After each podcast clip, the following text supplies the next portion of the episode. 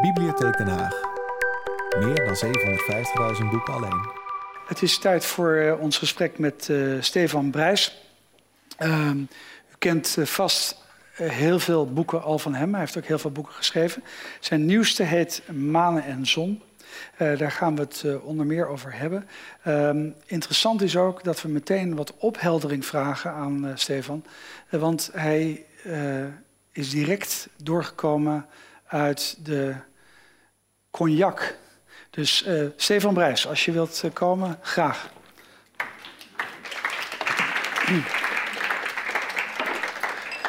Ja, we hebben water en water, dus uh, bij deze. Ja, je ziet dat er mensen in de zaal wel wijn hebben. Dus, Ja, die wel. Ja. En, en, maar ja, dat zijn rangen en standen. En, wij moeten hier... goed. Het, festi het, festival in cognac begon trouwens. Dat iedereen op zijn, cognac, op zijn hotelkamer kreeg een fles cognac en een ja. fles Pinot de Charonte. Daar begon het festival mee. En, en, en je, je hebt dat eerst gedronken en toen ging je daar aan tafel zitten? Of? Het, het, helpt om te ontspannen, ja. ja. Um, dat heeft natuurlijk met de uh, Franse vertaling te maken van je ja, werk, hè? van Post voor mevrouw Bromley.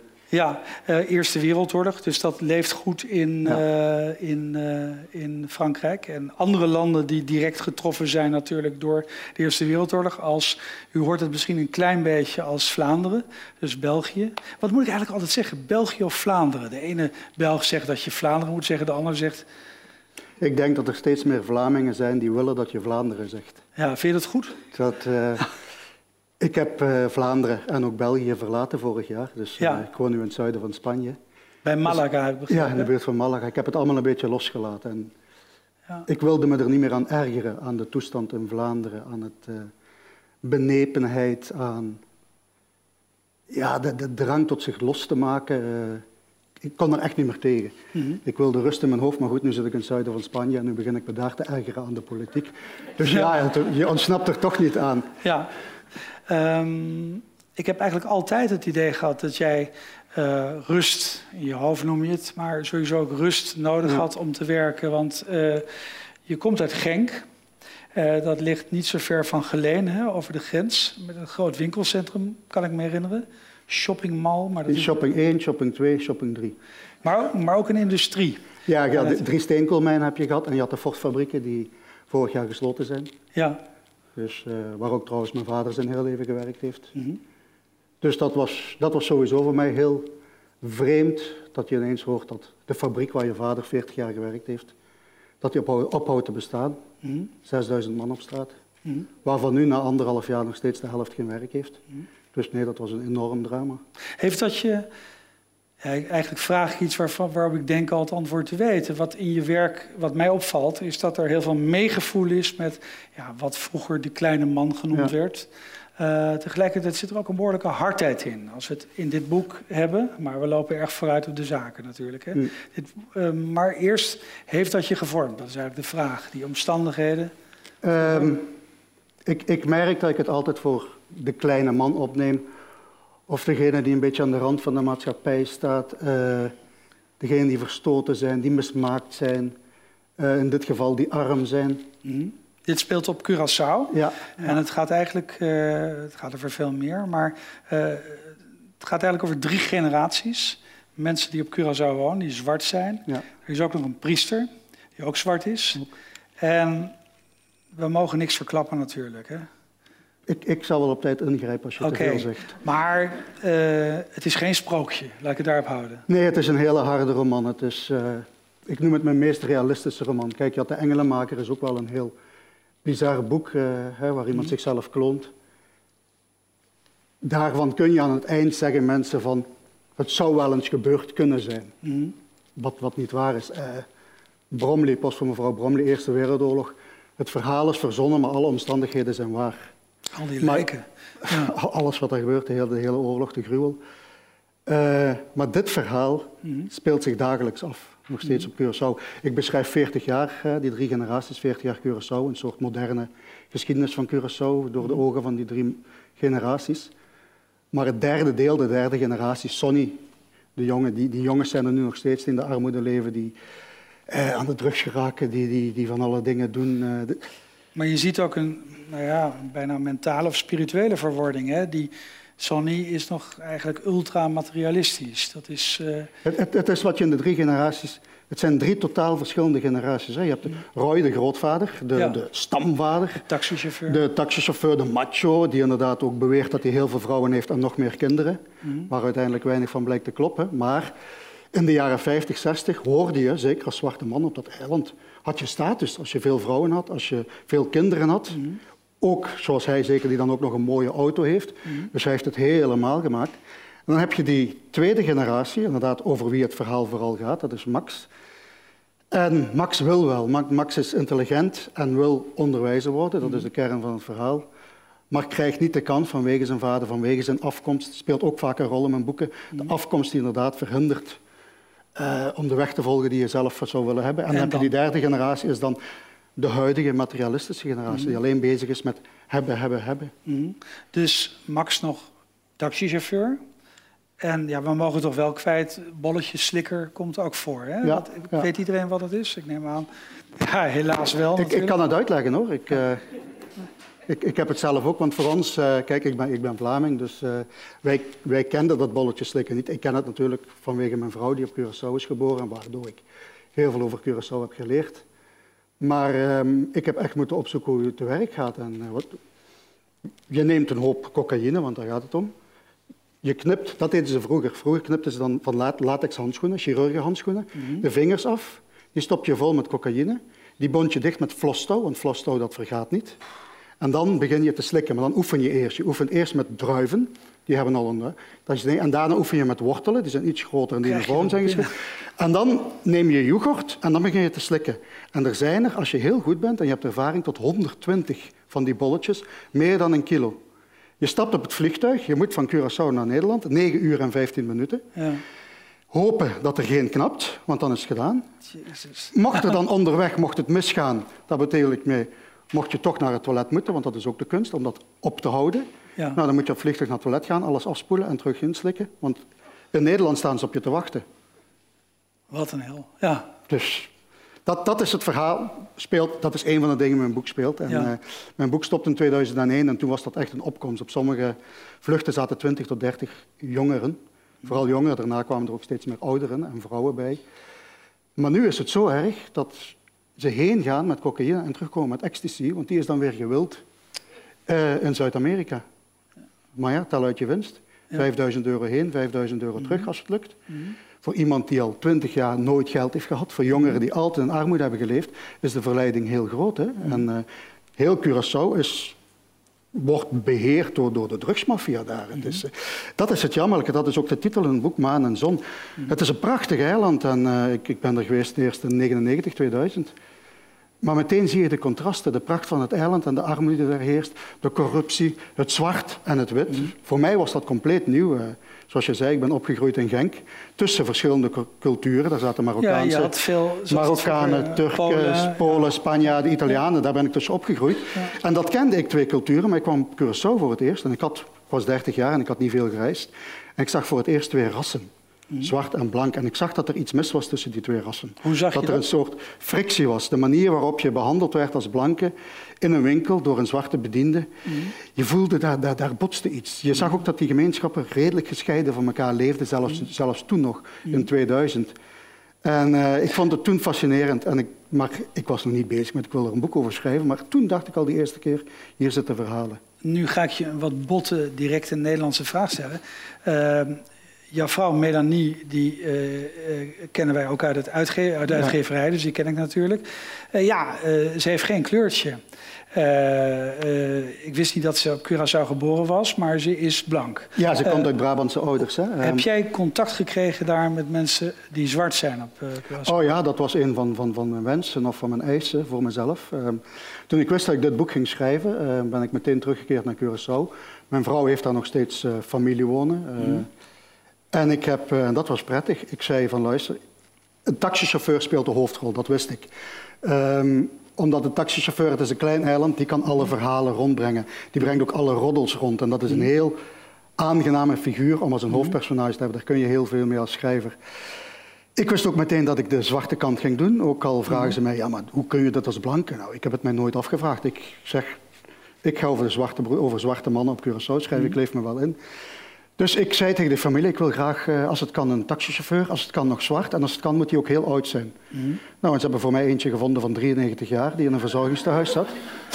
Hij had eindelijk de kans om weer te rijden. Ja, en uh, het was, uh, ik ben twee keer twee uur met die man gaan praten... die een soort mengeling van uh, Papiamento, hè, de oorspronkelijke taal... ja. Curaçao, Engels en Nederlands sprak. En fascinerende man, ook nog steeds die macho op zijn 93ste. Dus daar had ik, had ik mijn... reed trouwens in een Dodge Coronet rond. Dit... Dit is een Dodge Matador. Is veel mythischer, zijn er ook maar een paar ah. duizend van gemaakt. Ja. Veel groter, dat paste veel beter bij het verhaal. Mm En uh, dus ik heb die man... En ik zag... Uh, ik had op een documentaire een zwarte broeder gezien. Er is één Antilliaanse zwarte broeder op het eiland nog steeds. En die leidde journalisten rond in de sloppenwijken, in de krottenwijken van, van Curaçao. Terwijl ik eigenlijk ook alleen maar de zonkant kende toen ik, voordat ik daar naartoe, de eerste twee keer dat ik daar ging. En ik zeg, die man wil ik ontmoeten. Dit, uh... En hij heeft me in zijn busje, zoals de broeder in mijn verhaal doet, mm. rondgeleid en heeft me alles verteld inderdaad over, over de armoede, over hoe hij ook als onderwijzer probeerde op te voeden en eh, hoe hij zag het, dat mislukte en hoe hij op dit ogenblik alleen nog maar vreugde haalt uit een dankwoord al. Als iemand dus naar hem lacht, als iemand zijn hand naar hem opsteekt, want hij weet, meer kan ik niet meer. Mhm. En ik was nooit van plan om hem, want hij is, hij is de verteller van het verhaal, niet de echte broeder, maar ik heb dan mhm. ook een zwarte broeder genomen. Daar was ik niet van plan, maar ja, dan ga je zitten. En uh, zoals Wietske ook zegt, in mijn geval is het net hetzelfde. Je begint met de eerste regel en je ziet wel waar het verhaal naartoe gaat. En, uh, ik dacht ook alleen het verhaal van Max te vertellen, maar na één linie had ik al drie generaties. Mm. We kwam ik erachter dat wat Max aan het eind van het boek doet, en dat gaan we natuurlijk niet verklappen, maar, maar wat heel belangrijk is. Ja. Um, je werkte wel naartoe. Ja, ja, ja.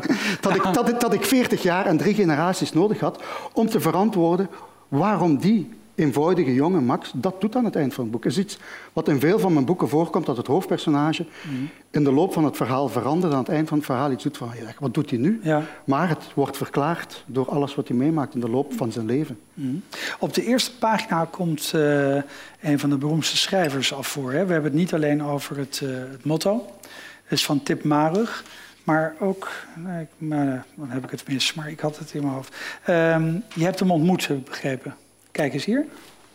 God, ja, Tip Maroeg. Maar ja, je hebt een ouder ontmoet natuurlijk. Ja, ja, ja, dit, is de jonge Tip Maroeg. Ik denk zelfs uh, foto... Tip Maroeg, eh, zeg je. Zo, zo gaat het dus. ik zei Maroeg, maar het is Maroeg. Ja, ik, ik, ik Maroeg, Maroeg. Ik weet het ook niet, niet precies.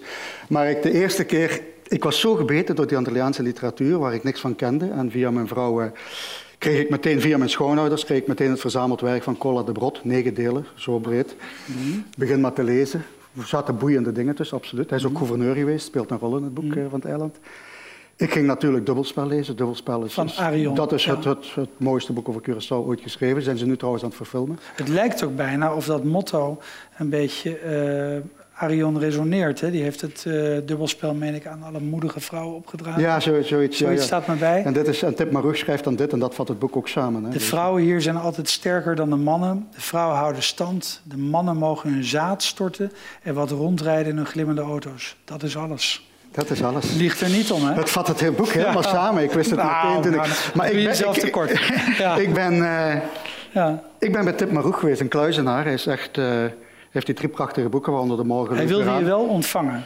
Nou, het, het, was zo... Ik, ik kwam te weten waar hij woonde en ik was ontzettend fan voor hem. Maar je wist, hij ontvangt niemand en hij leeft in absolute afgezonderdheid. Maar ik wist dat hij dronk en ik had een fles whisky bij me. En dat helpt. Dus s'avonds gingen de luiken omhoog, want hij leeft s'nachts. En hij, heeft dan een, hij had een boy toen, hij is intussen dood. En hij heeft me ontvangen. We hebben twee uur lang gepraat over, vooral over taal. Hij was bezig met een, woordenboek, een erotisch woordenboek over het papiament, daar hebben we het veel over gehad. Mhm. Maar ik had dan veel over Vlaams-Nederlands. Was ook zeer, vond hij zeer boeiend inderdaad, mhm. de verschillen daartussen. Maar tegelijkertijd, ja, ik schaamde mij. Ik zat daar en denk, jeetje, wat zit je hier te doen? Je, zit, je dringt binnen bij een man ongevraagd. Dus ik ben uiteindelijk ook, uh, heb ik afscheid genomen. En, uh, maar goed, ik heb hem gezien. En twee jaar later stierf hij en uh, ik vond dat een hele droeve dag. Mm -hmm. Ik heb ooit een eh, festival gepresenteerd uh, waarin ik een avond moest uh, voorzitten met Surinaamse en met Antilliaanse schrijvers. En toen was er een geleerde, een blanke geleerde, en die had een, uh, een boek geschreven over de orale literatuur van de Antillen. Dat werd hem niet in dank afgenomen. A, hij was een Nederlander en B, Ze hadden dat eigenlijk zelf willen doen, alleen hebben het niet gedaan. Hoe is jouw boek daar gevallen?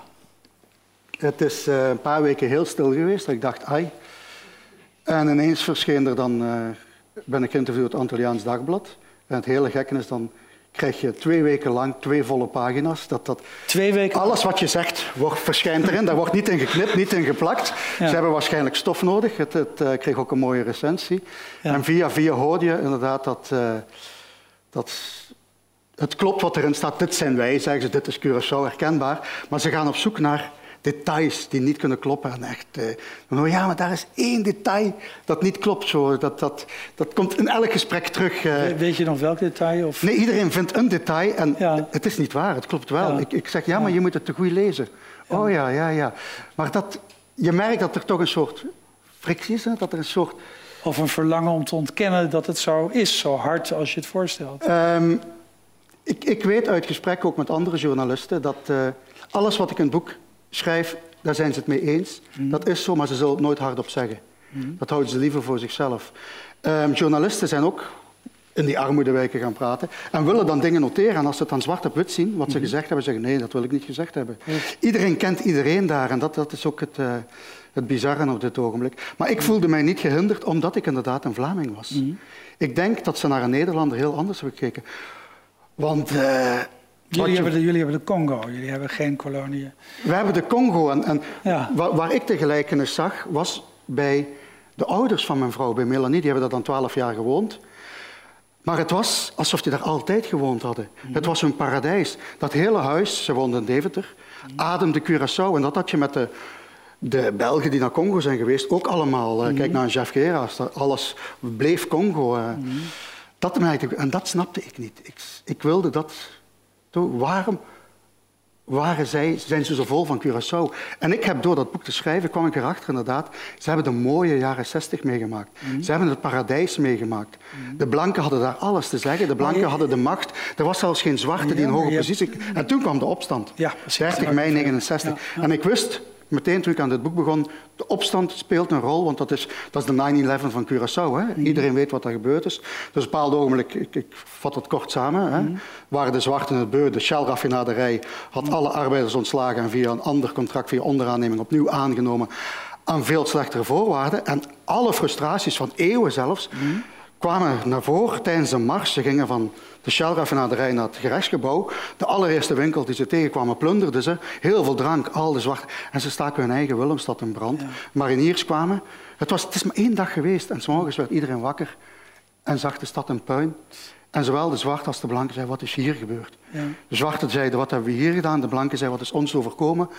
En toen hebben pas heel veel blanken beseft van, hoe blank ze waren ten opzichte van de zwarte. Mhm. En ik zag dat aan mijn schoonouders, heel aardige mensen.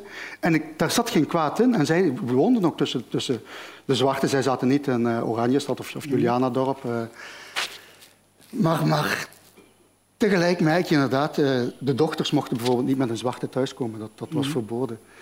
En dat wilde ik allemaal in dat, in dat boek verklaren. Wat is daar gebeurd? Wat, wat... En daarom heb ik die 40 jaar nodig gehad. Het was echt een geschiedenis van Curaçao.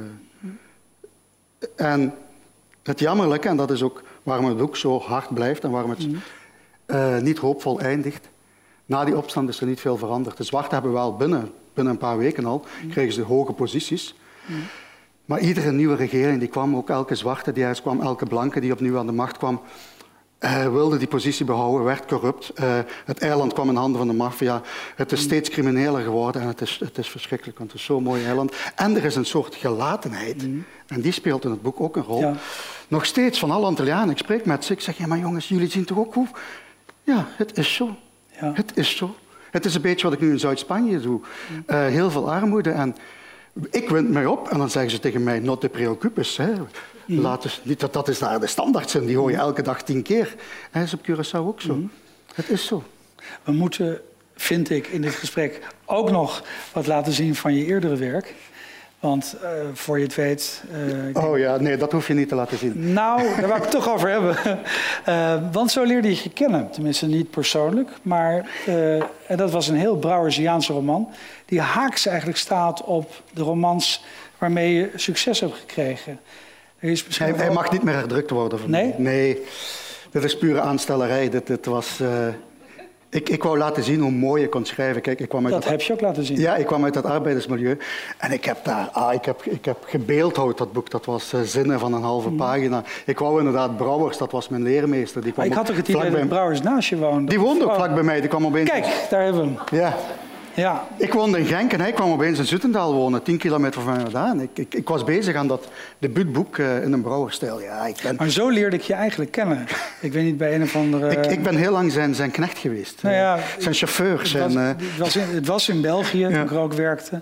En, en je was stil. En volgens mij ook kleiner dan nu. Ja. Maar eh, die man die... Uh, maar ja, dat is voorbij gegaan.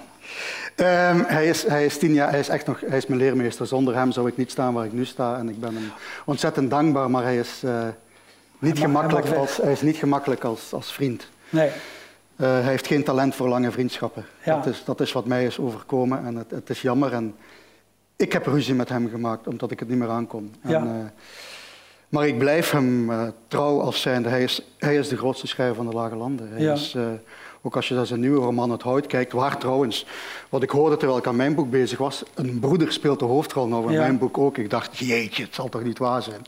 Maar het zijn twee totaal verschillende boeken, totaal verschillende stijlen. Maar ik wilde mijn debuut inderdaad, de verwoording dat. Eh, en ik heb het geluk gehad Emiel Brugman te ontmoeten, de fantastische uitgever van Atlas. Ja, en ook van Brouwers. En van Brouwers. En, uh, een ander plaatje. Die mij na een jaar belde, ik had het opgestuurd naar Atlas. En hij belde mij na een jaar en hij had dat verwording gelezen en dat was, hij vond het behoorlijk onleesbaar. Mm. En hij, hij, wilde het niet uitgeven, maar hij kon het ook niet terugsturen. Dat was iets wat hem tegenhield en dat pleit voor Emile. En hij heeft mij toen ontmoet in Brussel, bijna twintig jaar geleden intussen, ik schrik er zelf van. En hij vroeg aan mij de eerste zin, wat ga je nog allemaal schrijven? Toen heb ik mijn hele oeuvre al opgesomd. En hij zei, weet je wat, uh, je gaat nu naar huis, je gaat dat oeuvre schrijven. Ik geef intussen dat boek uit, de verwoording. Mm En uh, we zien wel. En dat boek dat verkocht niks, dat wist hij. Oh ja, we gaan nu heeft er 400 verkocht. Ah, nee, doe maar weg die. Uh, maar hij heeft mij, en dan kwam Arend, en Arend had ik dan mijn vertelstem gevonden, want ik ben ja. een verhalen vertellen, dat wist ik niet. Ik miste daar het verhaal. En toen kwam die Engelenmaker en uh, dat, dat, werd gigantisch. Die willen we nu zien, hè? Die, ja, dat, kijk, ja. De eerste druk was 3000 en het was mijn vijfde boek of zoiets. En ik zei tegen mijn vrouw... Volgens mij heb je daar 130.000 of Nou, 180.000. 180.000. 18 talen vertaald intussen. Uh, en, tot en je woont nu toe. in Spanje met uitzicht op de zee en een zwembad. Ja, ik rente niet. Zeg ik jaloers. Uh, het, is, ja. ja, dit. het heeft me vooral de luxe gegeven dat ik mij kon concentreren voltijds op het schrijven van romans. Ja. Omdat ik uh, inderdaad ook weer zoals Wietske... Ik werk drie, vier, vijf jaar aan een roman aan één stuk. Ik doe niks anders. En ik, kan, ik moet dat ook omdat ik uh, voortdurend heel veel moet schrappen. Heel veel misleid wordt om mijn personages. Mhm. Hier ook weer het boek. Ik denk dat ik duizend pagina's heb geschreven. Uh, dan gebeurt er iets. Max, klein voorbeeld. Uh, bepaald ogenblik is Max zijn spaargeld kwijt. Hè. Hij, is, heeft mhm. iets doms gedaan, iets heel doms samen met zijn vader. Wat gaat hij doen? Nou, ik denk dat ik drie maanden lang vijf, zes scènes... Hij ging naar Venezuela. Mm. Vluchten. Hij komt op Venezuela aan en ik denk, wat doet die man hier? Mm. Hij zit daar totaal verkeerd. Ik stopte hem in de grotten van Hato drie weken. Laat hem maar bezinnen. Hij komt uit die grotten. Nou, er was niks gebeurd. Dat ging maar door. drie maanden. Tot ineens, hij gaat terug in zijn auto zitten. Hij wordt opnieuw taxichauffeur en doet alsof er niks gebeurd is. En ik dacht, dat is het. Dat is het. En dan kun je pas verder. En, uh, maar dat, en daar heb je die afzondering allemaal... nodig. Drie maanden lang moet je daarover pieken. Aan één stuk door. En dan klopt het. Ineens vond ik ook, dit is inderdaad Curaçao. Ze gaan door en ze gaan zitten. En zo gaat het bij al mijn boeken. En daarom heb ik ook jas. En daarom heb ik nu de luxe dat ik inderdaad lang aan mijn boeken kan werken. Dankzij de Engelen maken, ook de opvolgerpost van mevrouw Bromley, die ook fantastisch heeft gedaan. Ik dus, heb een uh, vrij imbeciele diergerelateerde vraag. Er is misschien een uh, foto nog uh, te vinden van. Kijk, Kijk. Ehm, ezels. Hoewel dit lijken meer lama's, maar zijn het ezels? Ja, ze, ze, lijken trouwens op de ezels die ik had. Ja, maar want jij vertelde bij die vorige ontmoeting, we hebben elkaar eenmaal eerder ontmoet, je vertelde heel mooi over dat je ezels had. Ja, ik had, ik had er vier. Die heb ik tien jaar lang gehad in België. Ik heb ze niet meegenomen naar Spanje. Waar zijn ze?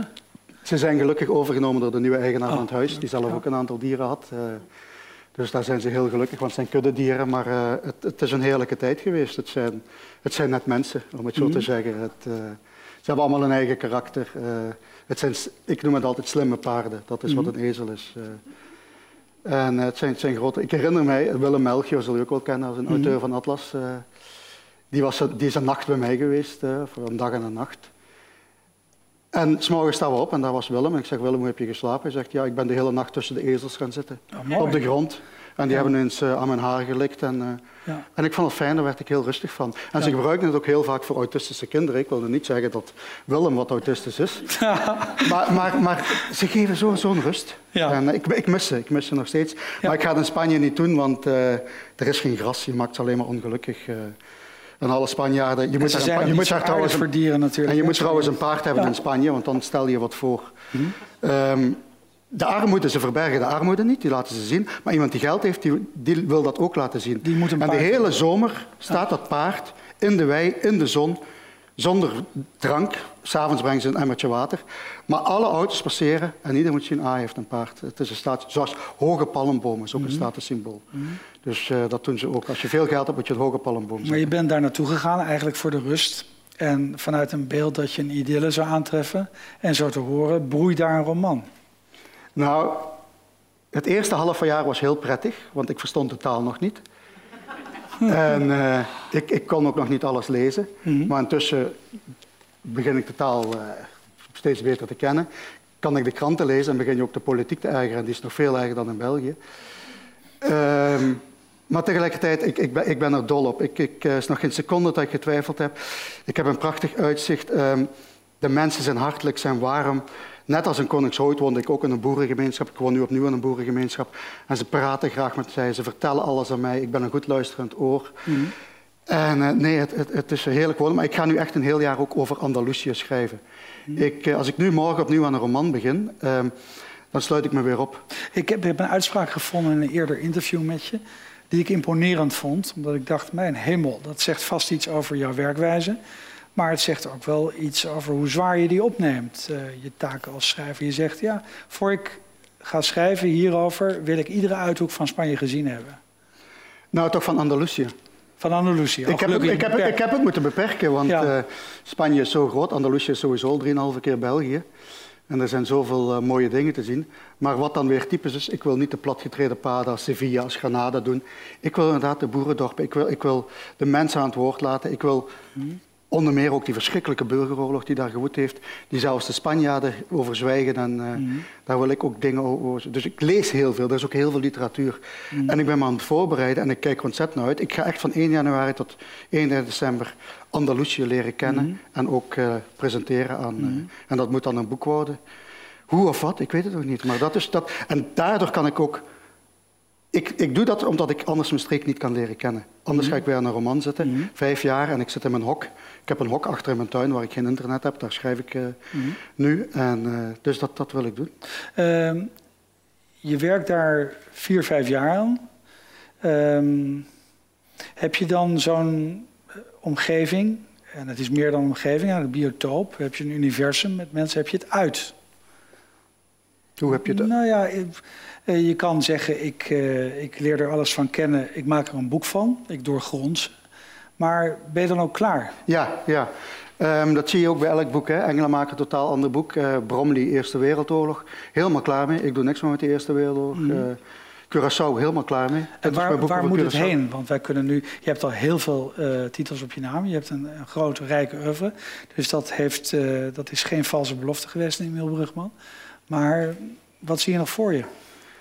Nou, ik, Emiel Brugman ziet iets voor zich. Uh, hij, hij, is nog steeds mijn redacteur. Hij is een fantastische redacteur. Ik dacht dat hij al lang met pensioen was. Hij is met pensioen, maar hij begeleidt nog een aantal auteurs. Onder wie Geert Mak, onder wie Jeroen Brouwers, onder wie ik, godzijdank. Ja. Want hij is fantastisch. Hij is heel streng.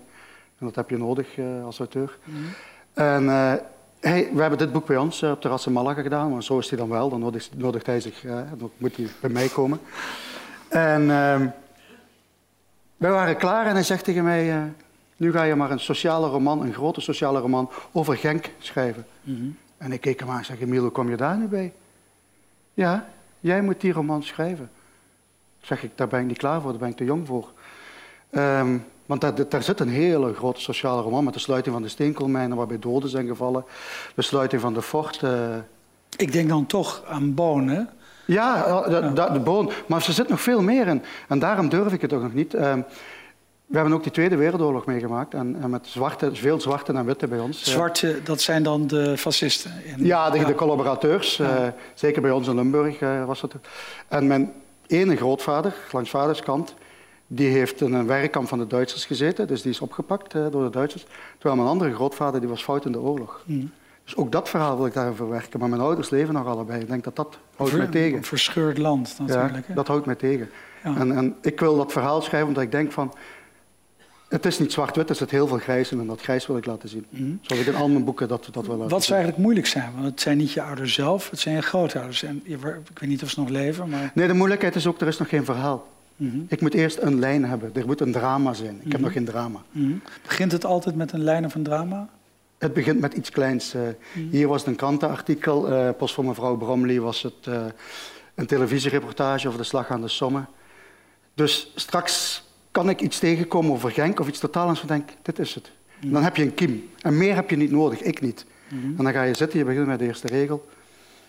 En drie, vier, vijf, zes jaar later heb je een boek van drie, vier, mm. vijf of zeshonderd pagina's. Je bent dus eigenlijk al die jaren sta je in dienst van de literatuur. Je wordt geleefd door de literatuur, zo klinkt het wel. Ja, ik moest, ik moest denken aan die vraag die aan Wietske stelde van ja. uh, raad je mensen schrijven Ja, daar wou ik naartoe. Nee, absoluut, oh, nee, absoluut niet. Begin daar niet aan. Uh. Ja.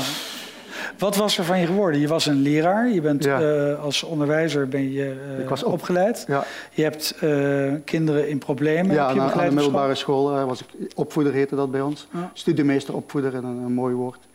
Dus ik begeleide leerlingen die het thuis moeilijk hadden of die, die het met zichzelf heel moeilijk hadden. Ja.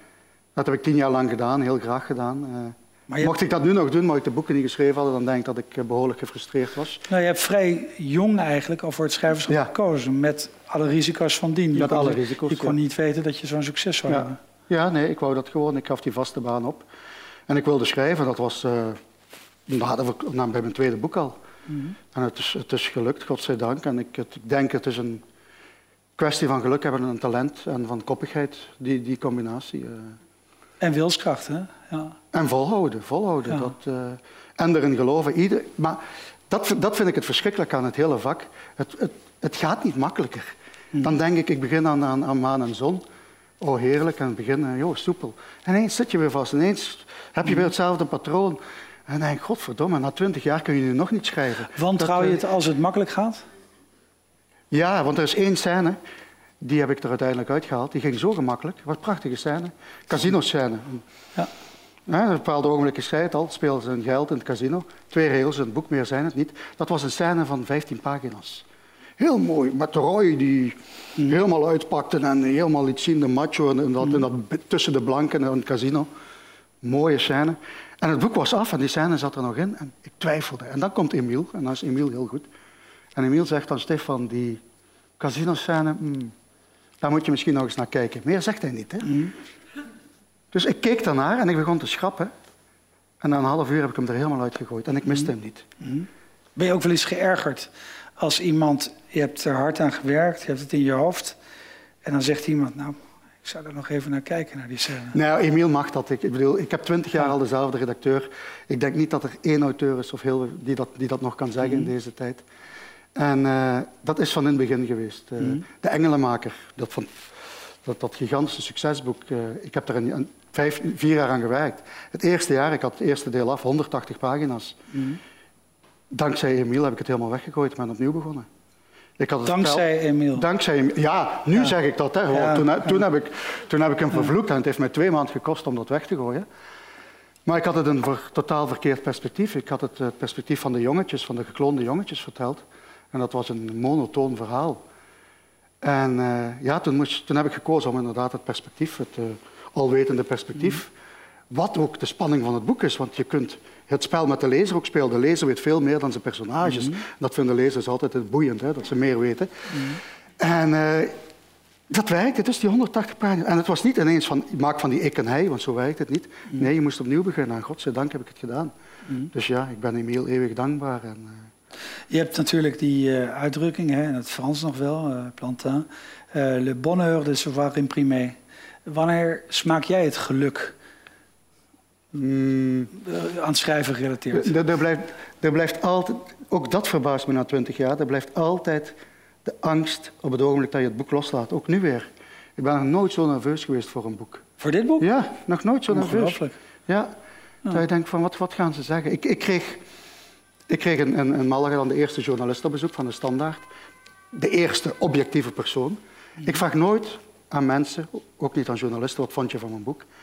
Um, als ze het goed vinden, zullen ze wel zeggen. Als ze het niet goed vinden, mm. dan liegen ze of dan zeggen ze het niet. Um, dus ik wil ze ook niet, niet uit een tent lokken. Ik, uh, maar die journalist kwam en het was de allereerste journalist. En we hadden een interview en hij zei niet meteen wat hij ervan mm. vond. En bij het interview had hij een paar kritische opmerkingen. Ik dacht, godverdomme toch, wat zou je ervan vinden? En het, het was afgelopen en dan uh, komen de glazen op tafel en ik zeg, Mark, ik vraag het aan niemand, nooit. De standaard. Ik heb het nog nooit gedaan, standaard. Ah. Ik zeg, wat vind je ervan? Ja, prachtig boek. Waarom twijfel je eraan? Ja, ik twijfel eraan. Mhm. Dus, ja. Mhm. Wil jij uh, ons een plezier doen? En, uh, Stukje Alsjeblieft. Ik begin ook bij het begin, want dan uh, ja. heb je meteen alle personages. Eigenlijk vat ik daar het hele boek in samen. Nou, nou, nou. Dat zei je net over het motto ook al. Ja. 18 juli 2001, vijf voor half acht. Waar zal ik beginnen? Bij wie?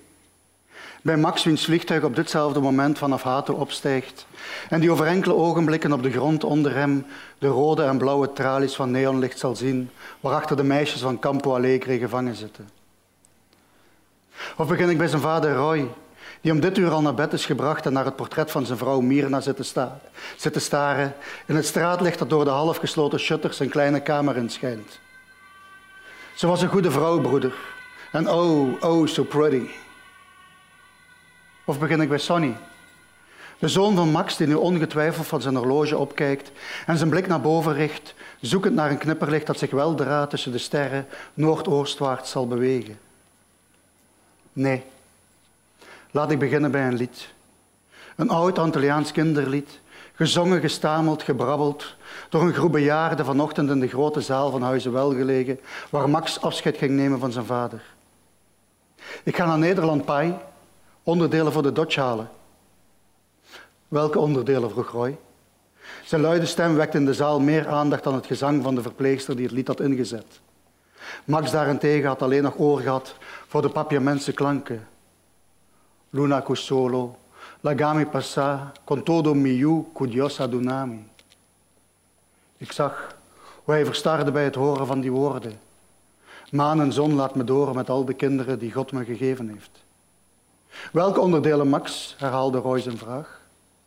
Max richtte zich weer tot zijn vader en zei: Deurklukken van de achterste portieren, voorbumper en buitenspiegel. In goede staat? Een uitstekende staat, Pai. Ik heb foto's gezien, geen spatje roest en in het chroom, in het chroom kun je je haren kammen en je das recht hangen, Max. Never, never ever forget your tie. Max droeg al een eeuwigheid geen das meer. Doe ik, Pai? Roy vond het een goed idee. Hij begreep zijn zoon als geen ander. Alles voor de Dodge. En dat Max daarvoor helemaal naar Nederland zou vliegen, riep geen vragen bij hem op. In zijn oude hoofd lag het koninkrijk vast niet veel verder dan Aruba, waar hij een deel van zijn leven had doorgebracht en tijdens de Tweede Wereldoorlog het Amerikaans-Engels had opgepikt, waarmee hij zijn zinnen kruidde. Lucia, de vrouw van Max, had zich vreselijk opgewonden toen hij haar op de hoogte bracht van zijn plannen. Naar Nederland voor oud ijzer? Ben je wel goed bij je hoofd? Laat die rotzooi per post komen. De douane steelt alles, Lucia. Het zijn gangsters. En wie gaat dat betalen? Ik heb gespaard. Je hebt gespaard voor Sonny, voor zijn studie. Niet voor dat wrak. Dat wrak zorgt wel voor brood op de plank. En als ik hem niet opknap, dan hebben we straks niets meer. Niets. En toch Ga je niet naar Nederland. Mi morto akibo. Over mijn lijk. Toen heb ik me omgedraaid en ben weggelopen. Met veel pijn in mijn hart. Dat vertelde Max aan mij. Hij legde zijn grote hand op zijn borst en zei: Ik hou van haar. Zij is mijn alles, zij en Sonny, Luna Cusolo. Wil je dat tegen haar zeggen zodra ik weg ben? Dat zij de maan is die mijn donkere nachten verlicht. Dames en heren, een daverend applaus voor Stefan Brijs. Dank, Dank je wel. Alsjeblieft. Okay.